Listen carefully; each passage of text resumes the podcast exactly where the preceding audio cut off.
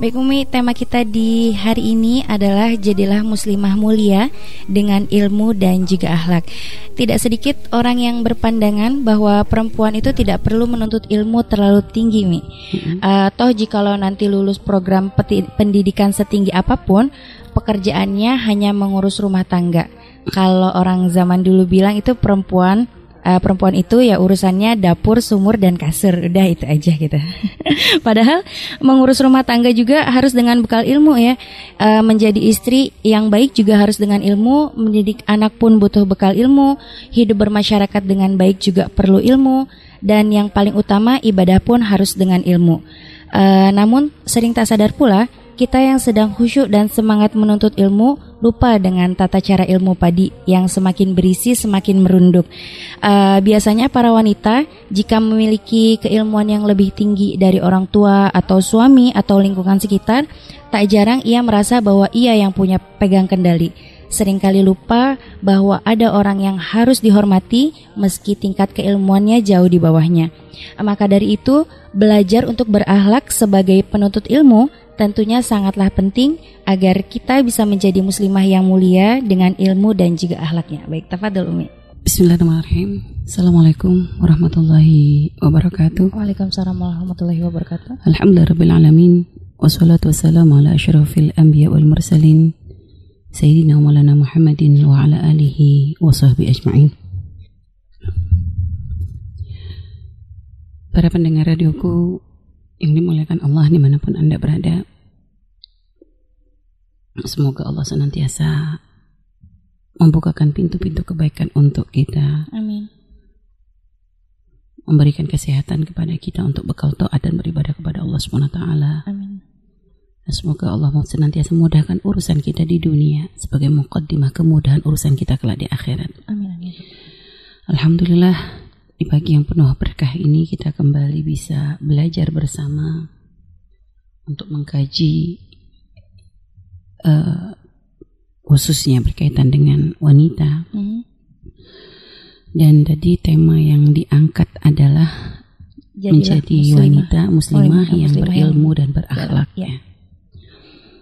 Ya tadi Nadia juga sudah menyampaikan ya bahwa banyak tanggapan bahwa ya perempuan gak usah terlalu pinter uh -huh. karena gimana pun kembalinya ya hanya mengurusi rumah tangga ya mengurusi ya, urusan masak uh -huh. jadi ibu rumah tangga hal ini perlu kita luruskan gitu ya uh -huh. kita ini adalah umat Nabi Muhammad Shallallahu Alaihi Wasallam artinya di dalam kita menjalani kehidupan tentu kita harus meniru atau mencontoh dari apa yang pernah diajarkan oleh kekasih kita Nabi Muhammad SAW. Karena agar seseorang bisa sukses urusan akhirat, pintunya ya melalui Nabi Muhammad SAW. Kalau orang juga ingin sukses urusan dunia, maka Nabi kita ini Nabi Rahmatalil Alamin. Nabi nggak hanya mengajarkan kepada kita untuk bagaimana urusan ibadah saja, Bahkan Nabi kita di dalam hidupnya beliau mengajarkan banyak hal. Urusan berdagang pun Nabi mengajarkan dan juga mengajarkan cara yang paling berkah seperti apa. Artinya Islam itu bukan hanya memikirkan urusan ibadah tapi juga segala aspek kehidupan. Urusan dunia dan akhirat itu semuanya dibahas tuntas dan dicontohkan langsung. Dan Nabi pun subhanallah uh, dalam memberikan kepada kita ini ya, ilmu akhlak perilaku ini bukan hanya sekedar dengan pesan-pesan Nabi saja tapi pun beliau praktekkan. Sehingga kalau umat kenal dengan Nabi dengan pengenalan yang sesungguhnya maka di dalam kita menjalani kehidupan ini apa yang kita lakukan apa yang kita pikirkan gitu ya uh, ini senantiasa berada di dalam koridor artinya ya dalam koridor uh, syariat gitu ya. Artinya tidak akan melenceng dari hal tersebut. Hanya karena semakin jauh dari Nabi Muhammad SAW semakin banyak umat yang melupakan Nabi. Bukan lupa sebagai posisi beliau sebagai seorang rasul Kalau ditanya pun orang yang paling awam pun kalau ditanya nabinya siapa? Nabi Muhammad. Hmm. Tapi kan nggak cukup dengan kita hanya sekedar kenal Nabi Muhammad hanya sebagai seorang rasul saja. Hmm. Tapi mengenal Nabi itu mengenal secara keseluruhan. Karena semua kehidupan Nabi, ya, semua kehidupan Nabi itu dibuat sedemikian indah oleh Allah Subhanahu Wa Taala. Dan juga Nabi di dalam menjalani kehidupan Beliau tidak hanya menempatkan diri sebagai seorang nabi, tapi juga sebagai seorang imam, sebagai seorang pemimpin.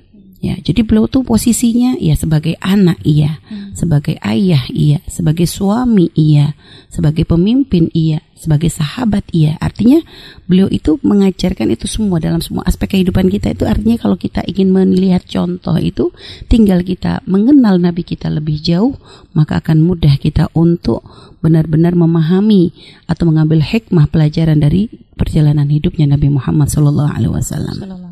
Lalu hubungannya dengan muslimah ini gimana? Artinya kita coba melihat dari sejarah Nabi kita Nabi Muhammad Shallallahu Alaihi Wasallam.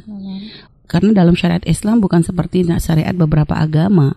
Artinya kalau seorang pemimpin yaitu tidak boleh urusan dengan wanita, uh-huh. ada yang tidak menikah dan sebagainya. Dalam syariat kita tidak seperti itu.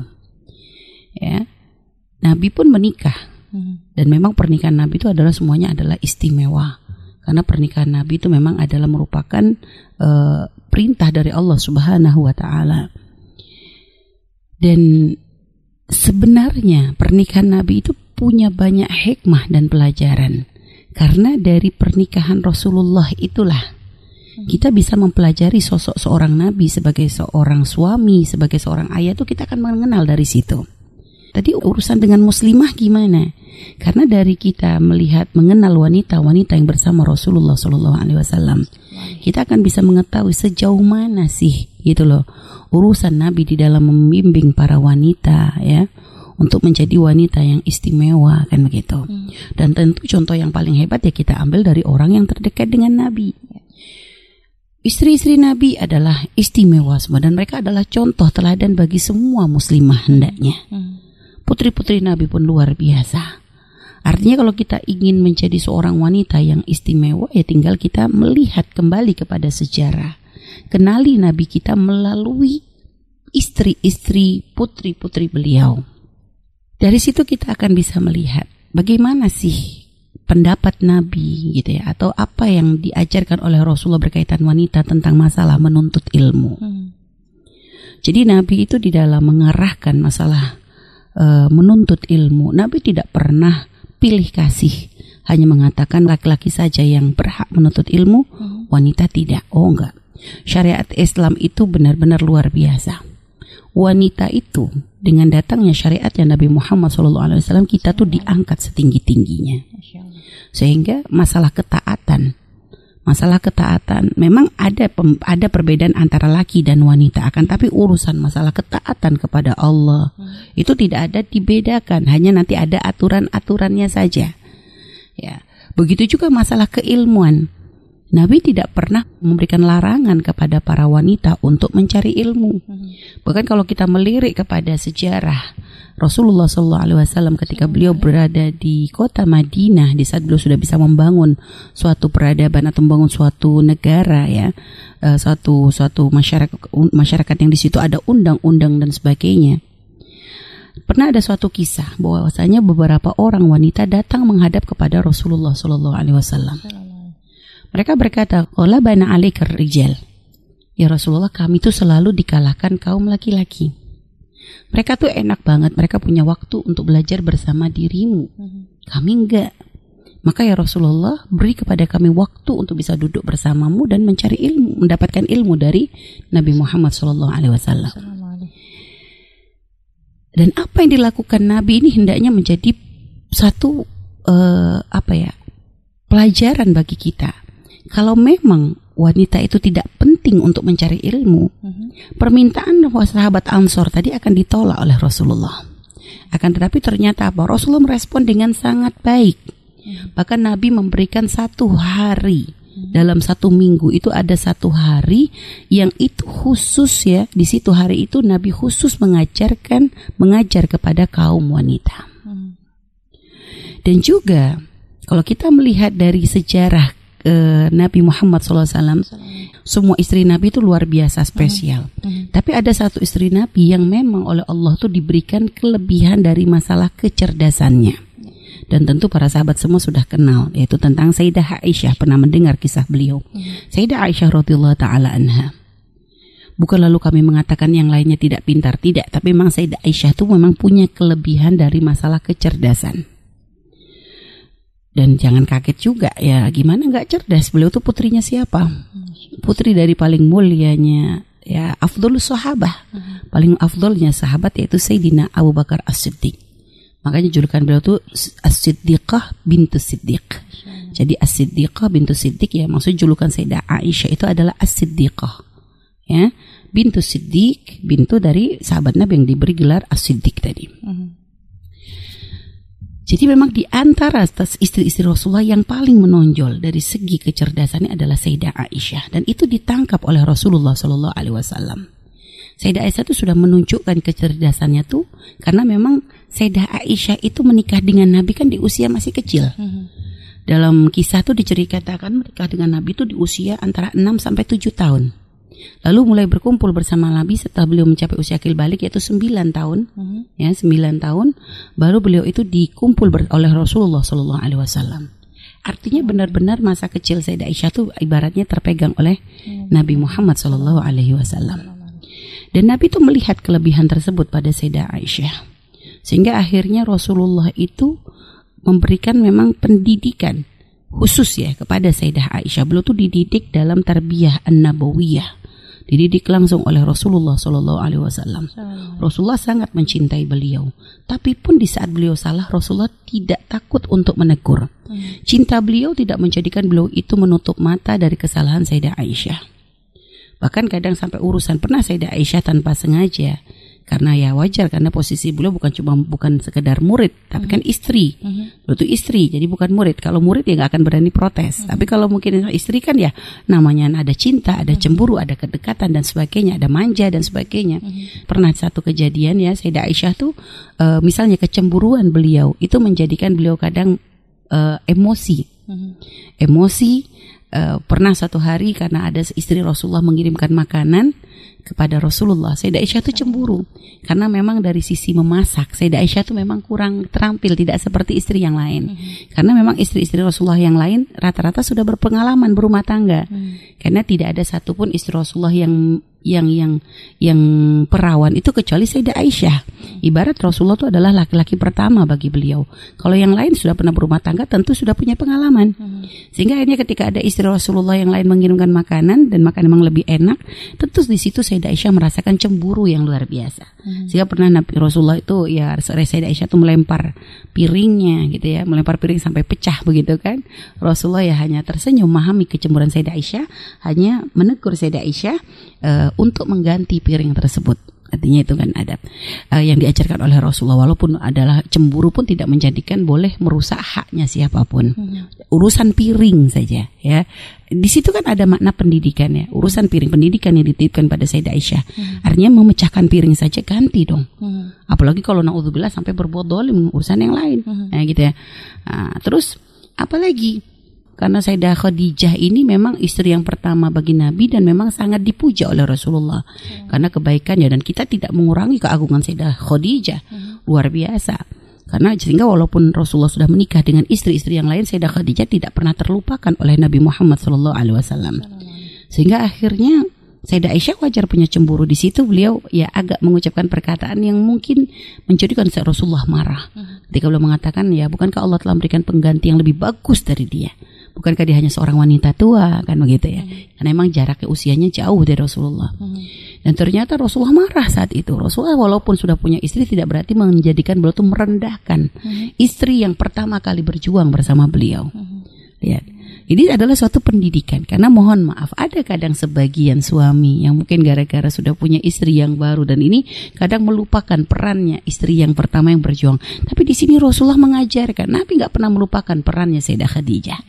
Bahkan selalu mengingat siapa-siapa saja sahabat baik Sayyidah Khadijah. Hmm. Padahal beliau sudah wafat. Kadang ada beberapa suami kalau sudah istrinya wafat ya, mm-hmm. kami nggak mengatakan semuanya ada sebagian istri wafat, apalagi sudah pengganti dapat pengganti baru yang lebih mm-hmm. cantik dan sebagainya, tentu sudah lupa kadang. Biasanya yeah. banyak yang sudah lupa, mm-hmm. paling ingat ah, haul atau apa ya saat aja. Tapi kalau Rasulullah nggak pernah lupa. Sampai kata Sayyidah Aisyah nggak pernah cemburu melebihi cemburunya pada Sayyidah Khadijah. Cemburu gimana pun cemburu. Mm-hmm. Ibarat sudah tidak ada, mm-hmm. tapi selalu ada di hati Nabi gitu ya. Nah, lihat ini kan pendidikan yang ingin dititipkan oleh Rasulullah ya, artinya kesetiaannya ini semua ini adalah luar biasa hmm. sehingga marah Rasulullah dan juga pernah Sayyidah Aisyah juga dalam kecemburuannya juga gitu beliau pernah merendahkan Sayyidah Sofia hmm. itu pun Rasulullah marah sampai beliau mengatakan seandainya ucapanmu ini apa yang terucap padamu tuh kamu ludahkan di laut niscaya akan mengotori air laut seluruhnya hmm. menunjukkan bahwa merendahkan siapa pun hmm. ini adalah satu dosa besar di hadapan Allah Subhanahu wa taala. Nah, ini banyak sekali dan kita masalah cemburunya Sayyidah Aisyah pun tidak sampai menjadikan beliau melanggar. Bahkan subhanallah kalau kita melihat kisah-kisah tentang Sayyidah Khadijah Rasulullah dengan Sayyidah Khadijah itu banyak kita dapati malah dari Sayyidah Aisyah. Hmm. Menunjukkan kecemburuan beliau tidak menutup uh, hati beliau untuk menyampaikan kebenaran. Hmm. Jadi kekaguman Nabi apa semua diceritakan oleh beliau bahkan ditegur Nabi begitu diceritakan. Artinya ya memang subhanallah memang asiddiqah. Hmm. Sangat cocok gelar itu untuk beliau asiddiqah karena memang menyampaikan semuanya itu ya uh, apa dengan dengan dengan dengan bagus dengan benar gitu loh, tidak menutupi bukan karena ditegur Rasulullah disembunyikan enggak. Hmm. Diceritakan untuk apa? Untuk dijadikan pelajaran bagi umat. Jadi dalam perjalanan hidup Nabi kalau memang Nabi menganggap bahwa keilmuan bagi wanita itu tidak penting hmm. ya kembali kepada kasput tema kita kalau memang keilmuan untuk wanita itu tidak penting tentu Nabi tidak akan memberikan waktu khusus bagi wanita ansor untuk belajar bersama Rasulullah. Hmm. kalau Nabi memang menganggap wanita itu tidak perlu untuk mencari ilmu Nabi tidak akan mengkader Sayyidah Aisyah tidak akan mendidik Sayyidah Aisyah. Yang nantinya begitu Nabi wafat ya hmm uh, apa namanya? Karena kan Nabi berpikirnya adalah jangka panjang. Hmm. Karena sekarang saksi yang akan melihat perjalanan hidup Nabi benar-benar yang tidak bisa dilihat oleh sahabat yang lain. Bahkan Imam Abu Hurairah pun yang subhanallah paling banyak meriwayatkan hadis, ada banyak hadis yang tidak bisa beliau dengar dari Nabi. Kenapa? Karena mungkin beliau tidak selalu bersama Nabi. Tapi istri kan subhanallah ada kedekatan khusus. Yeah. Kedekatan khusus yang tidak bisa dilewati oleh sahabat yang lain kan gitu. nggak bisa di, dijangkau oleh sahabat yang lain. Mm. Sehingga makanya subhanallah kalau kita melihat dalam sejarah bahwasanya memang sahabat yang terbanyak meriwayatkan uh, hadis dari kaum laki-laki adalah Imam Abu Hurairah. Akan tapi setelah itu ya yang paling banyak memberikan hadis juga adalah Sayyidah Aisyah radhiyallahu taala anha. Mm. Nah, di sini menunjukkan dari sejarah ini menunjukkan bahwa Islam tidak pernah meremehkan keilmuannya para wanita. Hmm. Ya, bahkan dia termasuk keadaan paling banyak paling banyak menyampaikan hadis ya. Hmm. Setelah kalau tidak salah urutan Sayyidah Aisyah itu antara nomor dua atau nomor tiga paling banyak Masya. mendengar meriwayatkan hadis dari Rasulullah Shallallahu Alaihi Wasallam. Artinya keilmuan beliau itu diakui oleh umat, hmm. diakui oleh para sahabat. Jadi diakui dan memang sahabat mengatakan Sayyidah Aisyah itu adalah wanita yang paling alim. Hmm yang paling punya ilmu sampai dikatakan oleh uh, berkata Imam Az-Zuhri ya apabila ilmu Sayyidah Aisyah itu dikumpulkan dengan seluruh ilmunya kaum wanita uh-huh. maka ilmunya Sayyidah Aisyah itu lebih utama. Jadi memang beliau punya kemampuan yang luar biasa. Bahkan berkata Imam Allah bahwasanya Sayyidah Aisyah itu adalah wanita yang paling fakih dan pendapat-pendapatnya itu adalah pendapat yang paling membawa maslahat untuk umum. Ya juga ada seorang berkata Ibnu Abdul Bar, Ibnu Abdul Bar beliau mengatakan Sayyidah Aisyah itu ada satu-satu wanita di zamannya yang memiliki kelebihan di dalam tiga bidang ilmu. Bukan berarti nggak punya ilmu yang lain. Hmm. Cuma yang tiga ini memang sangat menonjol. Ya. Apa itu? Ilmu fikih, ya, ilmu syair, hmm. dan ilmu kesehatan. Maka pernah ada seorang keponakannya itu Sayyidina Abdullah ibn Zubair Sayyidah Abdullah bin Zubair itu ada putri dari putra dari Sayyidah Asma binti Abi Bakrin. Jadi hmm. keponakan dari Sayyidah Aisyah. Makanya Sayyidah Aisyah itu julukannya Ummu Abdillah disandarkan kepada Sayyidina Abdullah bin Zubair. Hmm. Karena Sayyidah Aisyah itu tidak punya anak. Hmm. Akan tetapi ternyata beliau punya murid banyak. Bahkan murid dia kalangan laki-laki juga termasuk keponakannya sendiri. Hmm. Abdullah bin Zubair itu pernah bertanya kepada Sayyidah Aisyah, "Wahai ibu," katanya, Aku nggak kaget kalau engkau tuh ahli di dalam bidang fikih ya karena ya Rasulullah ibaratnya kan pusatnya. Hmm. Aku juga nggak kaget kamu tuh ahli dalam bidang syair karena memang abahnya sendiri Sayyidina Abu Bakar memang dikenal sebagai syair-syair yang sangat indah. Artinya ada sebabnya lah. Artinya ya dari suami, ya dari ayah gitu loh. Akan tapi aku bingung dari mana engkau tuh mendapatkan ilmu kesehatan. Walaupun memang Nabi itu mencakup semua ilmu, tapi kan kayak masalah kesehatan khusus, pengobatan dan sebagainya. Sayyidah Aisyah tuh ternyata juga sangat mumpuni dalam hal tersebut. Hanya beliau tersenyum dan berkata, ya gimana aku gak bisa ngerti tentang ilmu kesehatan. Ya. Rasulullah sebelum wafat itu sempat merasakan sakit yang lumayan waktunya. Hmm. Sehingga ketika Nabi sakit, itu banyak orang-orang yang mengirimkan dokter, hmm. ibarat tabibnya, hmm. untuk mengobati Nabi Muhammad Sallallahu Alaihi Wasallam. Dan juga para sahabat perhatian sahabat juga banyak gitu dalam memikirkan kesehatan Rasulullah. Sehingga dan Rasulullah selama sakit selalu bersama Sayyidah Aisyah dalam kondisi sakit waktu itu beliau bingung di mana di mana akhirnya semua istri Rasulullah sepakat menempatkan Nabi di tempatnya Sayyidah Aisyah. Sehingga dari situ Sayyidah Aisyah tuh belajar ilmu kesehatan. Hmm. Sehingga makanya subhanallah setelah Rasulullah wafat pun ternyata ilmu kesehatan karena berkah hmm. merawat Rasulullah SAW selama masa sakitnya itu ternyata menjadi manfaat juga untuk umat. Nah lihat Artinya, kalau ada pendapat mengatakan gak penting seorang wanita untuk mencari ilmu karena ujung-ujungnya pun jadi ibu rumah tangga, itu adalah satu pendapat yang salah. Hmm. Itu pendapat orang yang gak kenal Nabi Muhammad Shallallahu Alaihi Wasallam. Karena kalau tadi kita telusur dari sejarahnya Nabi Muhammad Shallallahu Alaihi Wasallam, ternyata Nabi itu sangat senang hmm. di saat para wanita wanitanya menjadi wanita yang punya ilmu. Hmm. Kenapa? Manfaatnya sangat luar biasa. Ya. Seandainya dia punya anak, lihat. Ilmu yang dia miliki itu akan menjadikan sebab kemudahan dia untuk mendidik putra-putrinya. Makanya dikatakan al-ummu madrasah. Al-madrasatul ula itu adalah um. Madrasah pertama, sekolah pertama bagi anak itu adalah ibu. Uh ya. Bahkan termasuk Sayyidina Abu Umar sendiri ketika ditanya haknya seorang anak itu apa? Uh Jawaban pertama yang beliau berikan memberikan ibu yang baik. Mana ibu baik itu bukan hanya ibu yang bisa ngurusin anaknya, hmm. hanya bisa ngasih makan dan sebagai ibu yang baik itu adalah ibu yang bisa mengajarkan akhlak, hmm. ibu yang bisa mengajarkan adab, ibu yang mengenalkan kepada Allah, ya. ibu yang bisa mengenalkan kepada Nabi Muhammad Shallallahu Alaihi Wasallam. Itu kunci hak kunci agar anak bisa menjadi soleha. Hak yang harus diberikan seorang bapak kepada anaknya hmm. adalah bukan hanya sekedar memberikan seorang ibu saja hmm. yang hanya sekedar berperan menjadi orang yang melahirkan anaknya, tapi juga memberikan ibu yang bisa mendidik anaknya. Yeah. Nah, sehingga makanya keilmuan bagi seorang wanita itu bukan suatu hal yang tidak penting, bahkan sangat-sangat penting. Bagaimana akan mencetak anak-anak yang luar biasa jika ternyata ibunya sendiri tidak luar biasa? Hmm. Makanya kalau kita melihat dari sejarah, ternyata banyak orang-orang luar biasa itu karena dididik oleh ibu-ibu yang istimewa. Hmm. Imam Syafi'i ibundanya luar biasa. Imam Rabi'atul Ra'i juga dididik oleh ibu yang luar biasa. Terus apalagi itu seorang ibu uh, yang mendidik anaknya untuk sambung dengan Nabi Muhammad Shallallahu Alaihi Wasallam. Banyak kisah ibu-ibu istimewa yang ternyata mereka tuh bukan sekedar ibu, mereka adalah seorang alim, hmm. seorang wanita yang luar biasa dengan keilmuan. Dan contoh yang sangat-sangat jelas yang berkaitan dengan Rasulullah itu adalah Sayyidah Aisyah radhiyallahu taala anha. Menunjukkan ilmu bagi seorang wanita itu sangat-sangat penting dan ini tidak bisa ditawar-tawar. Jadi seperti itu. Lalu tadi ada perkataan bahwasanya kadang kalau seorang wanita tuh lebih pintar ini malah kadang jadi sombong dan sebagainya. Itu kan kasus beberapa orang. Kita nggak bisa langsung gara-gara kasus beberapa orang. Oh kalau gitu penting wanita nggak pinter loh. Ini berarti kita nggak cerdas dong. Hmm. Ternyata saya Aisyah nggak sombong kok. Yeah. Tidak menjadikan beliau uh, dengan ilmunya lalu beliau seenaknya bahkan sangat manfaat untuk umat kan begitu. Hmm. Gak pernah beliau menyombongkan diri dengan ilmunya, tidak ada kisahnya. Dan memang ada memang watak sebagian wanita. Hmm. Ada watak sebagian wanita kadang bukan hanya urusan masalah ilmu, urusan masalah kekayaan. Yeah.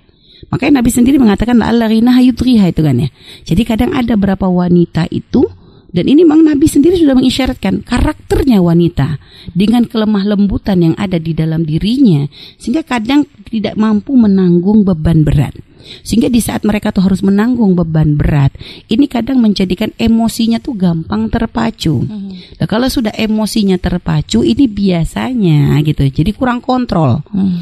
Nah, makanya tadi katakan kenapa Nabi kok mengisyaratkan kadang wanita itu dengan kekayaannya menjadikan dia itu ya melonjak gitu ya. Hmm. Nah, ini memang ada banyak, kadang memang kelebihan. Jadi kadang seorang wanita di saat memang lebih daripada seorang laki-laki ya. hmm. ya dalam urusan kekayaan, dalam urusan keilmuan. Hmm. Ada memang sebagian wanita tuh yang menjadikan mereka tuh mentang-mentang menjadikan tidak hormat lagi kepada orang suaminya, menjadikan tidak bisa lagi hormat kepada uh, orang tuanya mungkin gitu ya. Hmm. Akan tapi kan kasus itu tidak bisa disamakan ke semua orang. Yeah. Karena syariat pun walaupun uh, apa memacu wanita untuk mencari ilmu ada rambu-rambu yang dipat harus dipatuhi juga hmm. gitu loh. Hmm. Ada rambu-rambu yang harus dipatuhi sehingga tidak boleh karena merasa pinter lalu mau seenaknya sendiri. Hmm.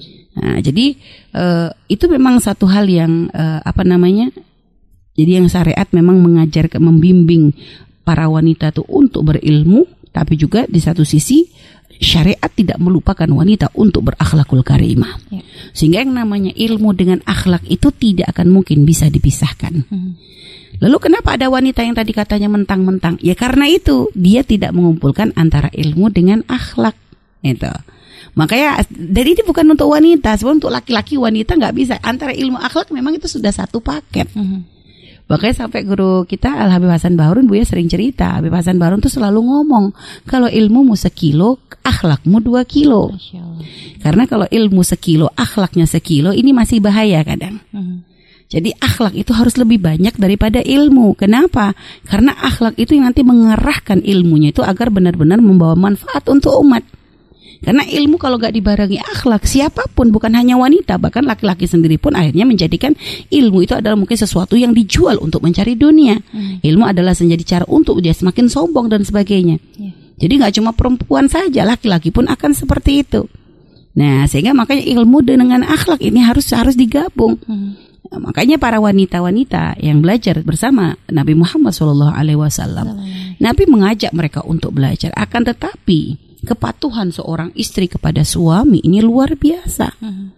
Makanya Nabi pernah memberikan isyarat kepada para wanita bahwa Nabi banyak melihat para wanita berada di dalam neraka. Hmm. Para wanita bertanya, "Kenapa ya Rasulullah? Apa sebabnya?"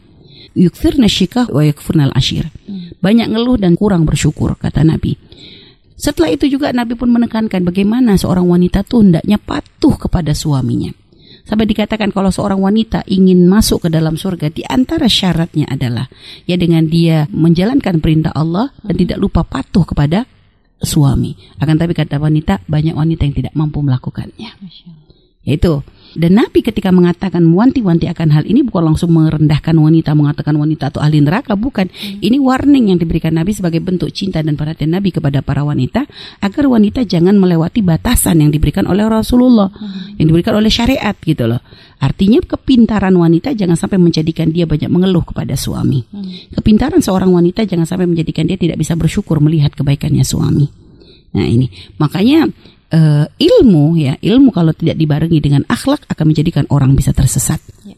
Akan tapi kalau ilmu dibarengi dengan akhlak, subhanallah, maka akan tercipta Sayyidah Aisyah era masa kini ibaratnya begitu hmm. akan kita tercipta wanita-wanita solehah yang luar biasa ya. karena akhirnya dari ilmu dan akhlak yang dimiliki oleh wanita tersebut hmm. dia akan menjadi orang yang bermanfaat di dalam rumah tangganya ya. dia tidak akan sombong dengan suaminya akan tapi ilmu dan akhlak yang dimilikinya akan menjadikan dia semakin bisa baik kepada suaminya. Hmm. Dan bukan itu saja, ilmu dan akhlak yang dimilikinya akan menjadikan dia bisa semakin mudah mendidik anak-anaknya untuk menjadi anak-anak yang mulia. Yeah. Dan juga ilmu dan akhlak yang dimilikinya akan menjadikan dia mudah untuk menjadi orang yang bisa berbuat baik kepada tetangganya. Hmm. Artinya, jika so ilmu dan akhlak ini dimiliki oleh seorang wanita dan juga dimiliki oleh siapa pun, maka orang tersebut tentu akan menjadi orang yang bermanfaat bagi umat Nabi Muhammad Shallallahu Alaihi Wasallam. Jadi itu ya. Jadi itu adalah suatu kesalahan. Jika ada orang mengatakan pendapat wanita tidak perlu belajar mencari ilmu, yang penting tugasnya jadi ibu saja, jadi istri saja cukup. Uh-huh. Orang itu berarti belum kenal Nabi Muhammad Shallallahu Alaihi Wasallam. Dia nggak tahu tentang syariatnya Rasulullah. Uh-huh. Bagaimana perhatian Nabi kepada para wanita. Uh-huh. Jadi itu ya. Jadi uh, Islam tidak pernah meremehkan ilmu, tidak pernah meremehkan wanita, uh-huh. artinya memberikan larangan kepada wanita untuk mencari ilmu. Nah, jadi perintah Nabi uh, utlubul ilmu walau kana bisin. Uh-huh. Utlubul ilma minallah di minal mahdi ilal lahdi. Itu perintah carilah ilmu itu bukan hanya untuk laki-laki tapi untuk semua orang. Wanita, laki-laki semuanya diberikan kewajiban untuk mencari ilmu. Bahkan Nabi mengatakan tolabul ilmi fardhatun ala kulli muslimin wa muslimah. Loh, bagaimana kita lupa? Kalau memang hanya untuk laki-laki Nabi akan ngomong muslimin saja. Yeah.